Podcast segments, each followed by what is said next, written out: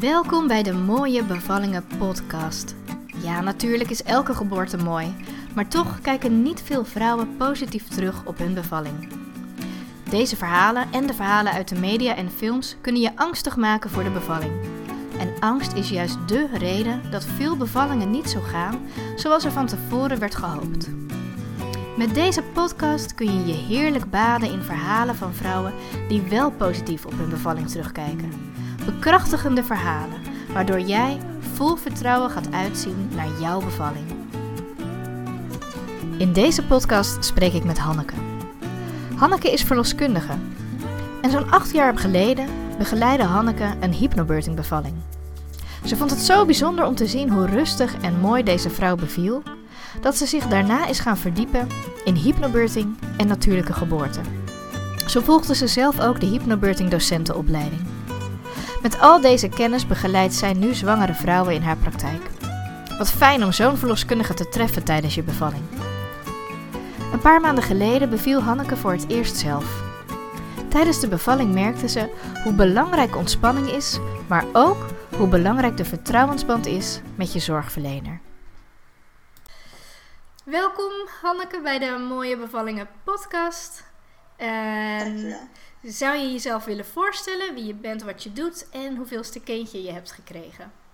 Mm Nou, ik ben dus Hanneke. Uh, ik woon samen met Martijn. En wij hebben op 2 december, dus nu bijna vijf maanden geleden, onze eerste dochter gekregen, Jul. Uh, ik werk als verloskundige. Uh, en uh, Jul is ons eerste kindje. Ja, ik vind het heel erg leuk dat je hier aan mee wilt werken. Juist ook om verhalen van verloskundigen te horen. Van, ja, ik ben heel benieuwd hoe jij dat allemaal ervaren hebt en hoe jij je op die geboorte hebt voorbereid met alle kennis die jij al, die jij al had.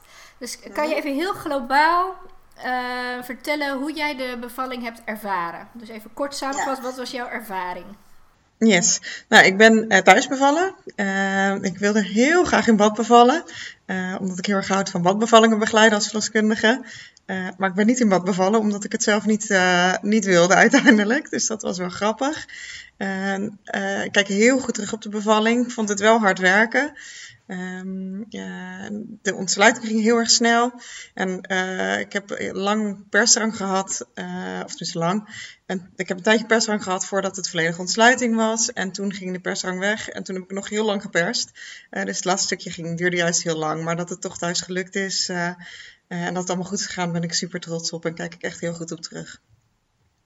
Je hoort heel vaak, althans toen ik nog als verloskundige werkte, was dat het zo'n eh, mythe die dan rondging dat een verloskundige zelf niet kan bevallen. En als ik een beetje in mijn omgeving keek, dan was dat inderdaad dat veel van mijn oude klasgenootjes die hadden inderdaad of uh, vreselijke bevallingen of keizersneden, wat het uiteindelijk werd. Uh, ja, heb jij die mythe zeg maar ook in jouw omgeving uh, gehoord? Ja, maar ik heb ook heel veel vriendinnen die verloskundig zijn die gewoon lekker thuis zijn bevallen ook en waar het allemaal goed is gegaan. Dus het, het, het, het, het leek eigenlijk wel een beetje alsof het of de ene kant op ging of de andere kant. Juist heel goed of, of juist inderdaad alle, alles wat je eigenlijk liever niet wil hebben. Precies, ja. En heeft dat ook uh, invloed gehad op de manier waarop jij dan naar jouw bevalling toeleefde? Uh, nou, ik heb altijd, um, als verloskundige heb ik altijd heel veel vertrouwen in, in dames om te bevallen. Ik heb, ben, ik heb zelf ook de hypnobirthing opleiding gedaan. Ik geef geen cursussen. Um, um, maar ik, ik heb daar altijd heel veel vertrouwen in. En ik merkte op het begin toen ik zwanger was, dat ik ineens toch, toch wel opzag tegen de bevalling. Ik dacht, ja, nu moet ik het toch ook nog maar zelf gaan doen. Um, daar heb ik coaching bij gezocht, omdat ik dacht, ja, het is toch wel fijn als ik er ook met vertrouwen naar kan uitkijken.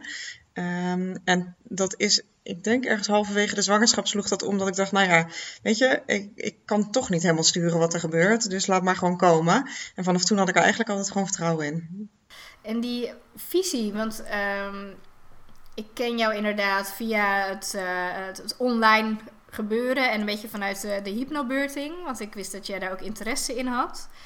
Um, is dat een visie die ja, hoe is dat bij jou ontwikkeld? Een beetje die natuurlijke kijker op. Want ik vind ook bij verloskundigen heb je vaak of een beetje de hele natuurlijke kant. Maar je hebt ook verloskundigen die altijd juist heel erg de medische kant op, uh, op neigen. Ja, ik denk dat dat een beetje is gekomen um, eh, ik ben nu 12 jaar verloskundige en ik denk dat ik ergens een jaar of acht geleden of zo een keer bij een bevalling was. ehm, eh, waar iemand een hypnobirthing cursus had gedaan. Eh, en die beviel heel, heel mooi, rustig, eh, ontspannen. En ik denk dat ik toen daar meer over na ben gaan denken. En voor, daarvoor was ik ook altijd wel, eh, dacht ik ook altijd wel van, nou weet je, dit bevallen, dat is niet voor niks zoals het is. En ik geloof er heel erg in dat vrouwen dat kunnen. ehm, en dat soms dingen gebeuren waar je geen invloed op hebt. En dat het ook niet altijd ehm, gaat zoals je wil, maar dat, het, dat je wel in staat bent om dat gewoon te doen. Eh, en dat er soms hulp bij nodig is. En na die ene bevalling dacht ik van, oh wauw, ja, het, kan dus ook nog echt op een andere manier dan dat ik voorheen gewend was.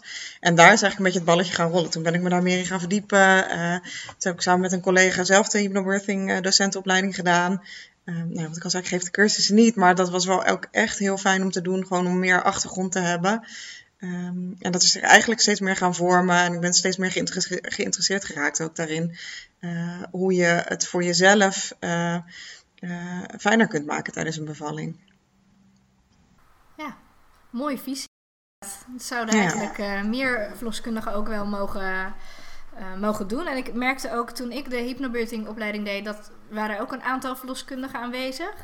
Dat voor ons allemaal toch heel veel eh, kwartjes vielen en toch heel veel eye-openers waren. En dat je ook dingen hoorde die je als verloskundige eigenlijk helemaal nog nooit gehoord had. Ja, klopt. Ja, ja dat vond ik ook inderdaad. Ja. Ja. Over jouw bevalling, hoe merkte je voor jezelf dat die begonnen was? Ja, dat was eigenlijk heel grappig, omdat ik ehm, heel lang niet wist of het nou weeën waren die ik had. Ehm, ik, ik was ehm, een beetje ongeduldig, want ik was bijna een week na de uitgerekende datum. Ik had al een paar nachten voor weeën gehad. En ik wilde gewoon, ik was heel nieuwsgierig naar de baby. Eh, ik wilde heel graag gaan bevallen. En in de loop van de dag. Eh, oh nee, het was. S ochtends ging ik naar Pilates toe. eh, want ik was ongeduldig. En mijn vriend zei: Ga nou maar gewoon. Dan heb je even afleiding. Dus ik was daar geweest. Toen zijn we gaan lunchen ergens. En toen merkte ik al dat het een beetje begon te rommelen. En eh, zo rond het avondeten dacht ik: Oh, dit voelt wel volgens mij wel als weeën. Maar ik heb heel lang getwijfeld. En toen zijn we spelletjes gaan spelen. Ehm, en uiteindelijk zei ik om half of, nou ja, we moeten toch maar gewoon naar bed gaan, want ik weet eigenlijk niet of dit nou weeën zijn of niet. Dus daar hebben we samen, mijn vriend en ik, ook nog om gaan lachen, dat ik eigenlijk gewoon niet wist of ik nou eh weeën had of niet. Nou, uiteindelijk, ik denk een drie kwartier, een uur later eh, in bed, eh, toen kwam er een week, dacht ik, nou, dit is, dit is wel echt, dit kan niet anders dan dat, dan dat het de bevalling is. Dus toen zijn we weer uit bed gegaan. Ehm, eh, en toen kwam het eigenlijk heel lang nog heel onregelmatig. Ik heb nog een taart gebakken, want dat wilde ik heel graag, eh, eh, dat wilde ik heel graag doen. Dus die heb ik nog staan bakken, duurde wel lang. Eh, en uiteindelijk ehm, eh, werd, zijn om drie uur mijn vliezen gebroken, spontaan. En toen werd het pas echt regelmatig. Dus dat was drie uur s'nachts dan al. Ja, het was drie uur s'nachts. Ja. Ja. Toen kwam het regelmatig. Ja. Oké, hoe heb jij die weeën ervaren? Vond je, eh, ja, vond je het pijnlijk of ehm, vond je het wel goed te behappen? Nou, ik vond, eh, ehm, op het begin vond ik het allemaal echt heel prima en eh, kon ik me heel goed ontspannen. Ehm, maar op een gegeven moment kreeg ik heel erg veel last van mijn rug. En mijn buik heb ik eigenlijk nauwelijks gevoeld. Maar die rugpijn die vond ik wel heel erg vervelend. Kon ik niet goed wegademen ook. Ehm, en, en de weeën zelf, of tenminste, ja, in, in mijn buik had ik eigenlijk nergens last van. En tussendoor kon ik heel erg goed ontspannen. Zat ik ook helemaal in mijn eigen bubbel. Ehm, maar mijn rug had ik wel echt veel last van. Dat vond ik wel heel vervelend. Ja, dat eh, hoor ik heel vaak. Dat je met rugweeën, ja, daar kun je ook niet zo heel veel mee. Behalve dan echt dat een beetje het, het masseren misschien.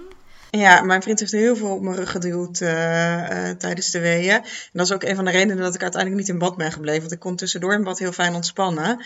Maar als ik voorover was, dan moest ik vaak overgeven.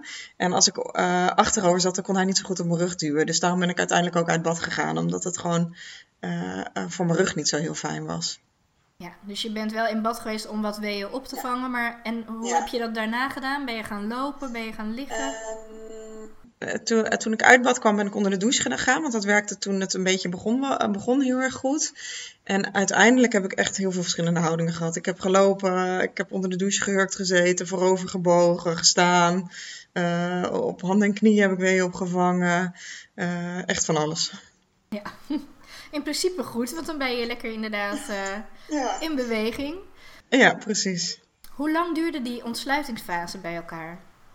Dat duurde niet zo heel lang. Het was dus vanaf een. Um, vlak voor drie heb ik um, uh, uh, mijn vriendin gebeld, die bij de bevalling was. Die, die is ook verloskundige. Um, die moest een uurtje rijden, dus die was wel even onderweg. En vlak nadat we haar belden, braken mijn vliezen. En toen is het eigenlijk pas echt goed regelmatig geworden. Daarvoor was het, was het nog niet zo heel vaak om de zeven minuten, om de vijf minuten. Uh, en toen was zij er om vier uur. Toen heeft ze niet gelijk gevoeld. Toen heeft ze om half vijf gevoeld. Toen had ik 4 centimeter. En uiteindelijk had ik volgens mij kwart voor zes ongeveer uh, 10 centimeter. Dus dat is echt heel snel gegaan. Ja, inderdaad. Want dat is niet nou, het standaard centimeter per uur. Nee, nee, nee, dat was echt veel sneller.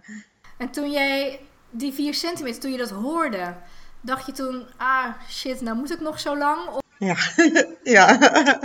toen dacht ik, ik weet niet of ik dit nog zo lang ga volhouden. Maar toen zei Floor, uh, mijn vriendin en verloskundige, die zei, joh, het voelt echt heel gunstig. En um, ik denk dat het heel snel gaat.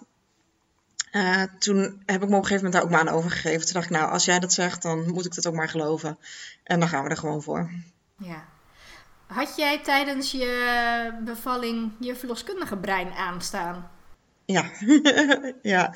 Uh, tijdens de ontsluiting denk ik niet, maar tijdens het persen wel. En dat kwam eigenlijk omdat um, um, ik denk dat ik ongeveer drie kwartier persgang heb gehad voordat volledige ontsluiting was. Toen heb ik ook gewoon op mijn uh, ademhaling uh, meegeduwd. Um, maar toen het 10 centimeter was, stopte de persdrang. En toen hebben we eerst nog een uur afgewacht. Um, daarna zijn we toch maar gaan persen, maar ik heb eigenlijk nooit meer persdrang gehad. En ik heb daarna ook nog heel lang geperst, uh, bijna twee uur.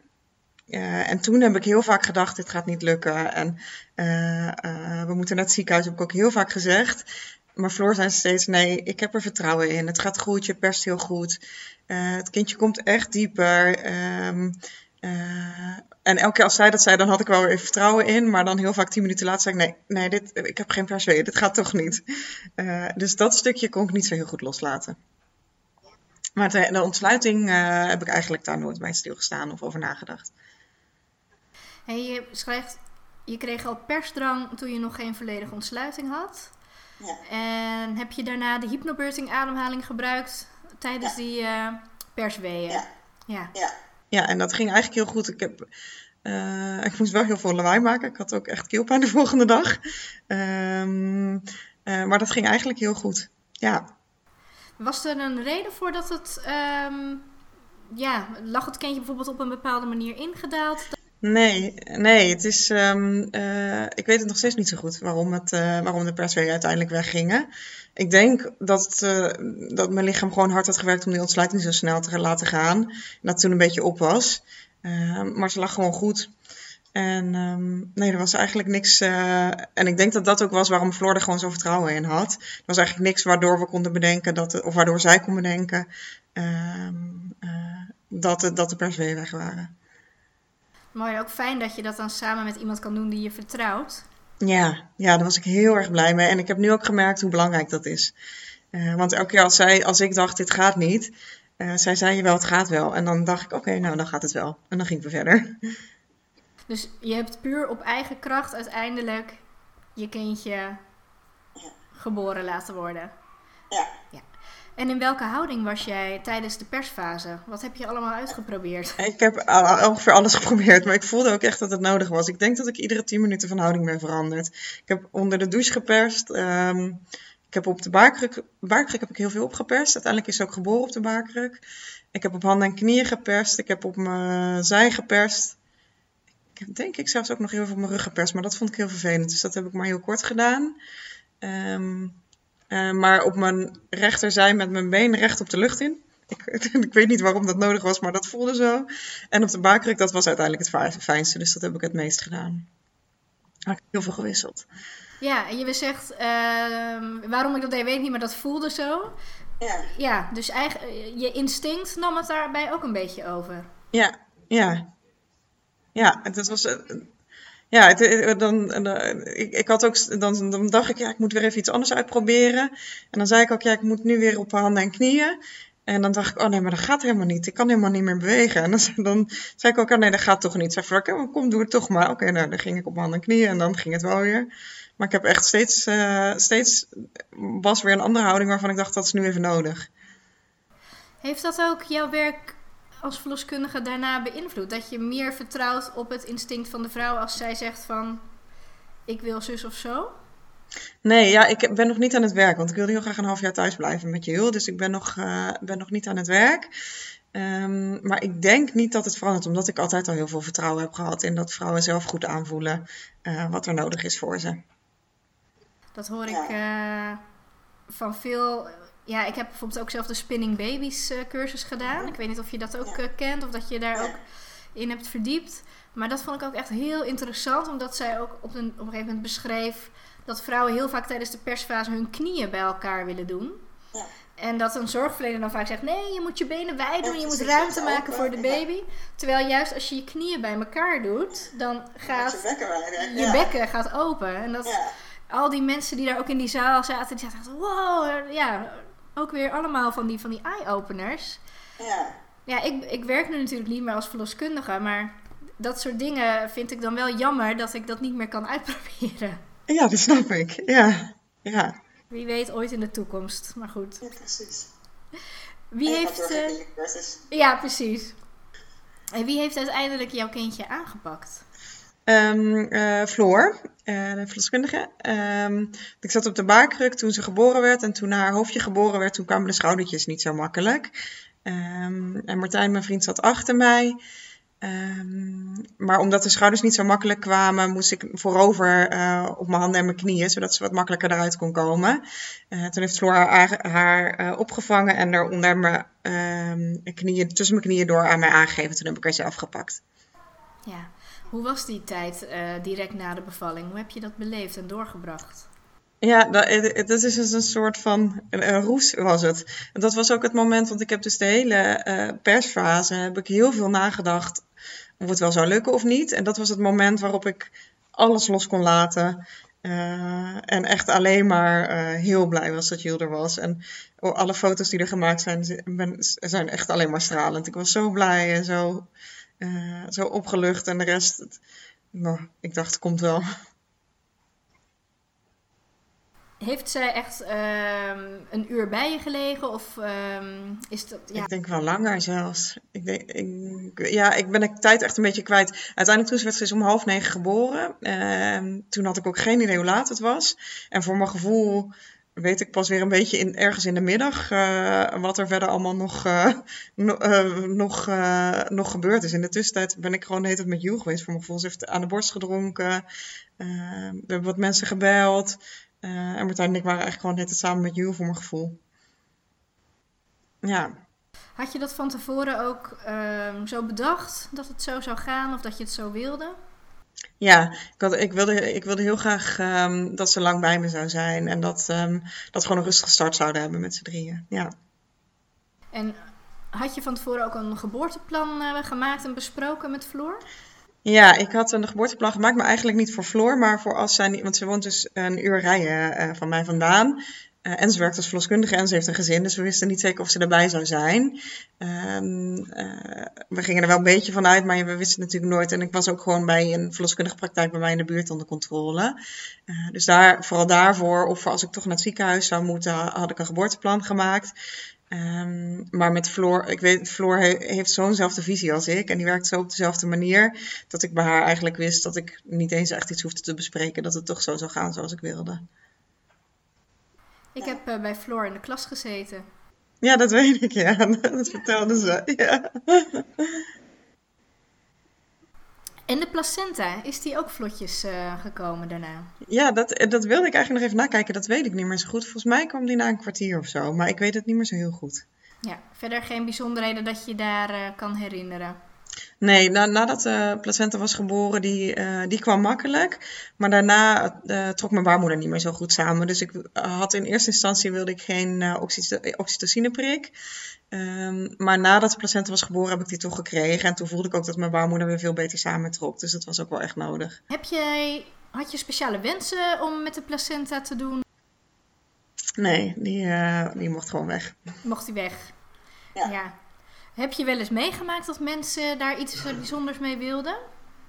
Nee, eigenlijk nooit. Ik weet dat het gebeurt, maar ik heb dat eigenlijk zelf nooit meegemaakt. Ik eigenlijk ook niet. En ik ehm, heb ook pas tijdens de hypnobirthing-opleiding gehoord wat er allemaal mogelijk was met zo'n placenta. Bij mij zijn ze eigenlijk alle drie in de kliko beland. Wat ik nog steeds wel eens zonde vind. Want eh, achteraf heb ik zoiets, nou, ik denk dat ik uh, wel wat meer mee had willen doen dan zomaar weggooien. Misschien een mooi uh, een boompje opplanten of iets dergelijks. Of capsuleren vind ik toch ook wel heel interessant. Ja. Maar... ja, nee, ik, ik kende alle opties, maar van mij, ik had er niet zo heel veel uh, ik heb er uh, niet zo heel veel waarde aan gehecht om hem te bewaren of iets mee te doen. Precies. Um, wie waren er naast je partner en Floor nog meer bij de bevalling aanwezig? Uh, de, een kraamverzorgster, maar die is eigenlijk. Um, ik heb gehoord dat ze binnenkwam. Um, en op een gegeven moment vroeg ze aan iemand hoe laat het was. En toen heb ik gezegd: niet zeggen, niet zeggen. en dat is eigenlijk het enige wat ik daarvan heb meegekregen. en Martijn, die. Uh, die fluisterde op een gegeven moment in mijn, oor dat de kraamzorgster er schort aan trok. Dus dat de baby echt bijna kwam. Um, maar dat, dat is eigenlijk het enige wat ik van haar heb meegekregen. Ze was heel erg op de achtergrond. Wat hebben alle aanwezigen verder voor jou betekend? Over Floor heb je al verteld. Wat, wat heeft jouw man verder verteld? Ja, ik denk dat ik zonder Martijn en Floor had ik niet zo kunnen uh, bevallen zoals ik nu ben bevallen. Zij hebben, echt, ze hebben me echt er doorheen gesleept. Uh, Floor gaf me dus vooral heel veel vertrouwen dat het, dat het goed ging en dat ik het los kon laten om zelf beleid te gaan maken en zelf over na te denken. En Martijn die heeft me er echt doorheen gesleept. Die uh, heeft co continu op mijn rug geduwd. Die heeft me steeds aangemoedigd. Daar was, ik, volgens mij is die geen minuut niet bij me geweest. Um, hij, nou, hij was er gewoon altijd. Hij, hij fluisterde lieve dingen in mijn oor. Hij hielp me uit bad. Ja, hij was er de hele tijd en dat was echt heel fijn. Had je dat van tevoren ook met hem afgesproken? Dus zeg maar een beetje op de hypnobirthing manier? Ja, we hebben ook um, we hebben geen hypnobirthing cursus gedaan, omdat ik dat voor mezelf vond ik dat geen meerwaarde hebben. Maar we hebben wel samen de hele cursus doorgenomen. En we hebben een, een dagworkshop gedaan. Um, en daar hebben we ook heel veel besproken. En uh, uh, wat er fijn zou zijn en wat niet. We hebben ook samen iedere dag een ontspanningsoefening gedaan van hypnobirthing. Dus dat was heel fijn. Was het voor hem toch nog allemaal nieuw, ondanks al jouw kennis? Hoe was dat voor hem? Um, ja, hij, eh, waar hij van tevoren bang voor was, was dat hij zich zou gaan vervelen tijdens zijn bevalling. Uh, dat is niet gebeurd. uh, dus dat was, uh, dat, was, dat was voor hem anders dan hij had gedacht. Um, maar voor de rest. Ja, ik weet eigenlijk niet of het heel anders was dan hij dacht. Ja, hij had dus verwacht dat hij zich zou vervelen, maar dat was niet zo. ja. Wat heb jij nou uiteindelijk vanuit die hypnobirthing meegenomen in deze bevalling? Waar heb je nou het meeste aan gehad qua voorbereiding? Um, ik denk um, uh, dat ik door de ontspanningsoefeningen, vooral tussen de weeën door, heel goed kon ontspannen. En dat ik heel bewust ook um, uh, ben gaan kijken naar wat zijn manieren om me te ontspannen. Hoe gaat dat het beste en hoe kan ik dat dan toepassen? Ik heb niet heel bewust de ademhaling toegepast, behalve dus bij de persdrang toen ik nog geen volledige ontsluiting had.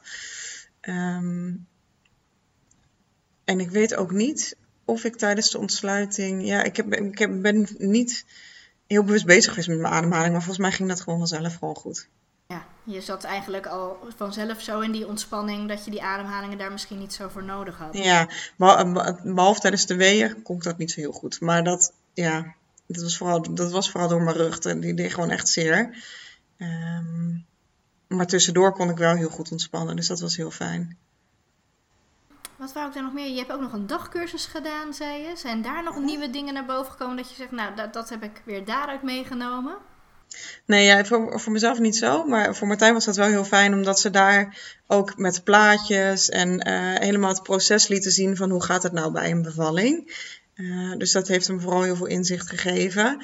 En daar kregen we een kaartje mee met bevalhoudingen. Uh, Um, met dingen die een partner kan doen. Dus dat was als houvast voor hem heel, fijn om naartoe te gaan.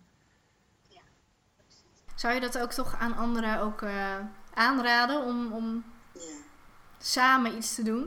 Ja, zeker. Ik denk dat het heel belangrijk is om, ehm, om er samen er vertrouwen in te hebben in de, in de bevalling. En dat het, dat het fijn is als zowel degene die gaat bevallen als degene die erbij is, weet wat er gaat gebeuren. Zodat er gewoon vertrouwen is in, in, in wat er gaat gebeuren.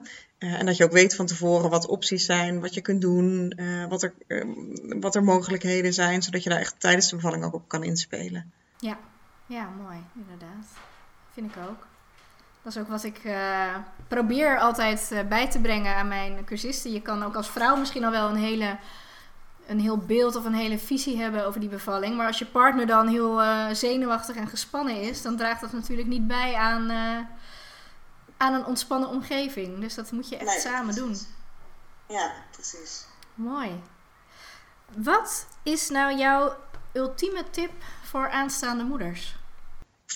Nou, waar, ik zelf heel erg eh, veel aan heb gehad, is dat ik zoveel vertrouwen had in Floor, eh, in mijn verloskundige die erbij was. Ehm, dus dat wil ik eigenlijk ook als tip geven. Zorg dat je eh, bij een praktijk onder controle bent, waar je je goed voelt, waar je, waar je vertrouwen in hebt. En als dat misschien niet zo is, het zal vaak wel zo zijn, maar als dat misschien niet zo is, dat je ook kijkt van, goh, is er iets wat ik daarin kan veranderen? Ehm, of is er een andere praktijk in de buurt ehm, waar ik meer vertrouwen in heb? Eh, juist omdat ik zelf heb gemerkt dat dat voor mij zo ontzettend belangrijk was tijdens de bevalling. Eh, dat vertrouwen om het los te kunnen laten. Ja, ja, daar ben ik het helemaal mee eens. Dat eh, is ook iets wat ik altijd aan de mensen aanraad. Eh, het belang van de juiste zorgverlener.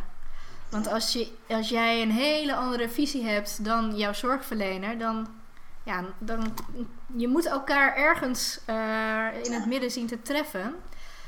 En ik denk dat we in deze tijd gelukkig daar wel steeds meer aandacht en oog voor hebben. In vergelijking met de tijd dat ik nog als verloskundige werkte, toen was dat helemaal niet zo aan de orde. Eh, dan was het toch nog een beetje van, eh, hè, je moet luisteren naar de verloskundige. En ik denk dat dat nu wel heel anders al is. Maar dat je daar als zwangere ook wel echt zelf, eh, ja, dat je dat goed moet checken. Ja, dat denk ik ook inderdaad. En ik, ik dacht, ik, heb, ik, wist, ik zeg, ik zeg dat ook vaak tegen zwangeren en ik wist dat het belangrijk was. Ehm, maar ik heb nu ook echt ervaren dat het heel fijn is om helemaal los te kunnen laten ehm, eh, wat je in je hoofd hebt, omdat je vertrouwt op degene die erbij is. Ja, ja, inderdaad. Klopt. Had je voor jezelf, eh, want je hebt eigenlijk best wel lang geperst, als ik het nu zo hoor. En dat is, is niet volgens het protocol. Had je daar voor jezelf ook het, eh, het vertrouwen in? Had je dat voor, voor, eh, van tevoren gedacht? Dat je daarin mee zou gaan? Ja, nou, ik, ik, daarom, dat was ook een van de redenen dat ik heel graag wilde dat Floor erbij was. Omdat ik, wij allebei niet altijd precies de protocollen volgen als het niet nodig is. Natuurlijk wel als het wel nodig is, want protocollen zijn ook niet voor niks. Ehm, maar als het niet per se nodig is, dan vind ik het ook fijn om daarvan af te kunnen wijken. En ik wist dat, dat Floor dat ook zou doen. En in dit geval ehm, vond ik het zelf moeilijk om er vertrouwen in te hebben, omdat ik geen persweeën had en omdat het lang duurde. Ehm, maar kon ik me wel helemaal overgeven aan Floor, omdat zij zei dat gaat wel lukken. Dus dat was helemaal prima. En ik ben ook heel blij eh, eh, dat het op deze manier is gegaan en dat Wiel thuis is geboren en dat het gewoon allemaal goed is gegaan. Ja, en dat is ook de reden waarom je uiteindelijk daar heel goed op terugkijkt. Ja, Hè? Ja, Want dat klopt. is. eh, Ja. Zo heb ik dat ook een keer een, een cliënte gehad die eh, in haar 38e zwangerschapsweek is geswitcht van verloskundige. Omdat ze met haar eigen verloskundige niet op één lijn kwam over een thuisbevalling. Eh, want ja, weet je, daarvan ze woonde aan een dijk en haar verloskundige praktijk wilde daar dan geen thuisbevalling begeleiden. En uiteindelijk heeft zij ook twee uur lang geperst met haar nieuwe verloskundige. En zij had ook een prachtige bevalling. En ik weet zeker dat als ze bij haar oude verloskundige was gebleven, ja, die had dus nooit twee uur met haar thuis gebleven. En dan had ze waarschijnlijk een heel ander eh, beeld van die bevalling gehad naderhand. Ja, Dus vandaar dat, dat verhaal vertel ik ook altijd zo belangrijk dat je op één lijn zit met je zorgverlener. Ja, en dat je die eh, kan vertrouwen. En ik zeg er ook altijd bij, zolang jij het nog ziet zitten en zolang het goed gaat met de baby, dat is denk ik het belangrijkste punt, eh, is er geen reden tot, of is er geen medische reden tot haast. Nee, precies. Ja, Dat is mooi om daar eh, op die manier zo naar te kijken. Ja. Is er zelf nog iets wat je nog kwijt wil, wat je nog eh, wil vertellen? Nee, ik denk het niet. Nee, nee ja, het, is, het is echt. ehm, de- nou ja, ik vind het heel erg leuk om nu een keer- zelf een keer bevallen te zijn. Ehm, en het was hard werken, maar het was het absoluut waard. En ik kijk, ik kijk er echt heel goed op terug. Ja, mooi om dat ook mee te nemen straks weer in je werk, deze Ja. ervaring. Ja, klopt. Ja. Goed. Nou, dan eh, is je verhaal verteld. Dan eh, sluit ik het gesprek af. Dankjewel voor het delen. Ik denk dat het heel fijn is om eh, ook van een eh, verloskundige dit verhaal te horen en jouw visie daarop. Dus daar wil ik je voor bedanken. Graag gedaan, leuk om te vertellen. Bedankt voor het luisteren naar de Mooie Bevallingen podcast. Kijk voor nieuws en tips op mijn Instagram, Esther Koppelaar Geboortecoach of Elements of Birth. En wil jij ook zo'n mooie bevalling beleven? Neem dan eens een kijkje op www.elementsofbirth.nl